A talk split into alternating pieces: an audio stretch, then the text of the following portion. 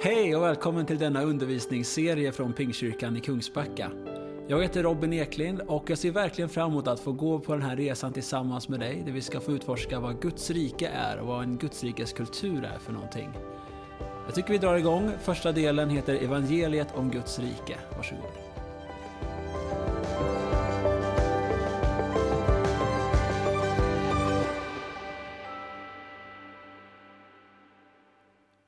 Jesus står inför rätta hos Pontus Pilatus och Pilatus frågar honom Är du judarnas konung?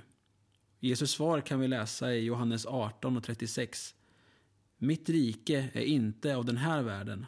Hade mitt rike varit av den här världen skulle mina tjänare ha kämpat för att jag inte skulle utlämnas åt judarna. Men nu är mitt rike inte av den här världen.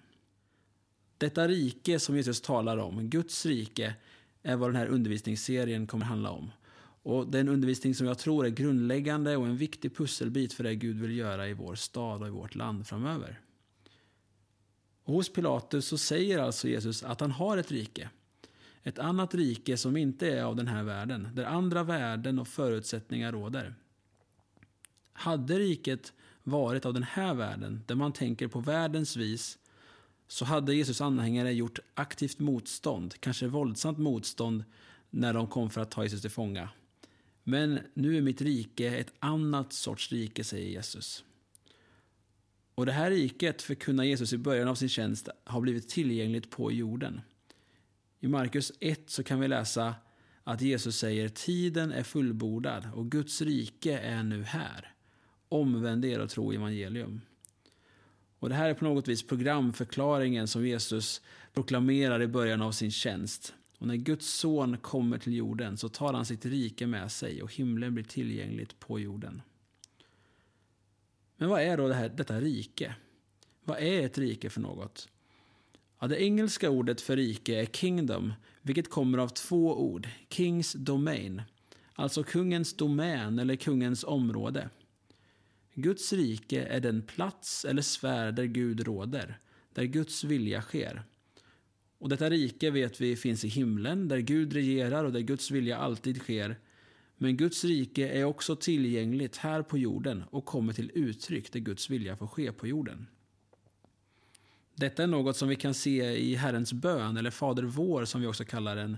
Den bön som Jesus lärde sina lärjungar att be och som beds i kyrkor över hela världen varje vecka. I Matteus 6 så kan vi läsa att Jesus säger Så ska ni be. Vår far i himlen, låt ditt namn bli helgat. Låt ditt rike komma, låt din vilja ske på jorden så som i himlen. Alltså låt ditt rike komma, låt din vilja ske på jorden så som i himlen. Här ser vi hur Jesus kopplar ihop Guds rike med att Guds vilja sker. Guds rike är en plats där Gud råder och där Guds vilja sker och bönens kärna är att Guds rike ska komma till jorden genom att Guds vilja får ske på jorden på samma sätt som den sker i himlen. Med andra ord, vi ber att jorden mer och mer ska likna himlen. Och Jag tror att detta är inte bara en bön som vi ska be, utan det är också kyrkans uppdrag och varje troendes uppdrag. Att verka för att jorden och de sammanhang vi rör oss i, min stad, min arbetsplats, min skola, att de sammanhang där vi finns ska få börja likna himlen mer och präglas av himlens kultur mer och mer. Att Kungsbacka ska likna himlen mer. Och hur himlen är, det vet vi lite grann om. Uppenbarelseboken 21 beskriver det så här. Och han ska torka alla tårar från deras ögon. Döden ska inte finnas mer och ingen sorg och ingen gråt och ingen plåga. För det som förr var är borta. I himlen finns ingen sjukdom, ingen nöd, inga krig och inga orättvisor. Och om vårt uppdrag är att Kungsbacka ska likna himlen mer, då behöver vi leva med himlen som mall för vad vi vill se. Finns det sjukdom i himlen? Nej. Då får vi förlösa och be om hälsa för människor vi möter. Finns det orättvisor i himlen? Nej. Då har vi ett uppdrag att verka för rättvisa i vår stad och i vårt land. Finns det hemlösa i himlen? Finns det tiggare, ensamhet, miljöförstöring? Här har vi en utmaning som Guds församling i Sverige. Guds rikes utbredande handlar Dels om att människor blir frälsta, om helanden och mirakler, men också ett socialt budskap om att vårt sammanhang, vår värld, vårt land får likna himlen mer och mer på alla områden. Min egen resa med att upptäcka undervisningen om Guds rike började för ett antal år sedan.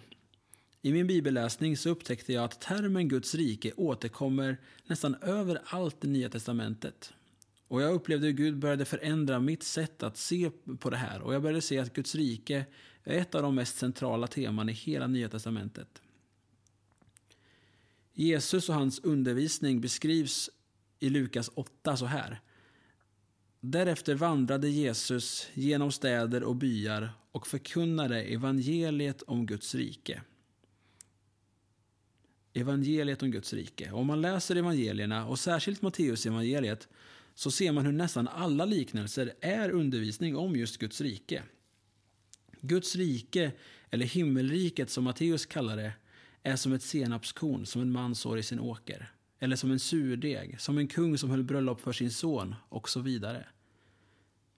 Listan kan göras lång och det vi ser är att undervisningen om Guds rike är själva kärnan i Jesu undervisning. Vi läser till och med i Lukas 8.1 att det budskap Jesus förkunnade kom att kallas för evangeliet om Guds rike. Och Det här mönstret kan vi se även hos Paulus. Vi läser om honom i Apostlagärningarna 19.8.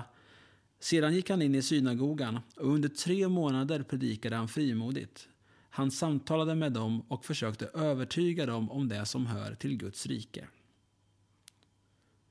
Och när Jesus sänder ut sina lärjungar i Matteus 10, vers 7, så säger han Där ni går fram ska ni predika, himmelriket är nu här. Bota sjuka, uppväck döda, gör spetälska rena och driv ut onda andar. Det ni har fått som gåva, ge det som gåva. Detta är bara ett axplock av hur Nya Testamentet är fullt av Guds rike. Och evangeliet om Guds rike var det budskap som Jesus förkunnade och som han sände ut sina lärjungar att predika. Och det var en predikan som åtföljdes av tecken och under, där de botade sjuka, uppväckte döda, gjorde spetälska rena och drev ut onda andar, som en manifestation av att Guds rike hade kommit nära. Och när jag började upptäcka detta i min bibelläsning så insåg jag att evangeliet är så mycket större och rikare än jag hade anat. Det evangelium som jag kände till fram till dess var vad jag skulle kalla för evangeliet om Guds frälsning.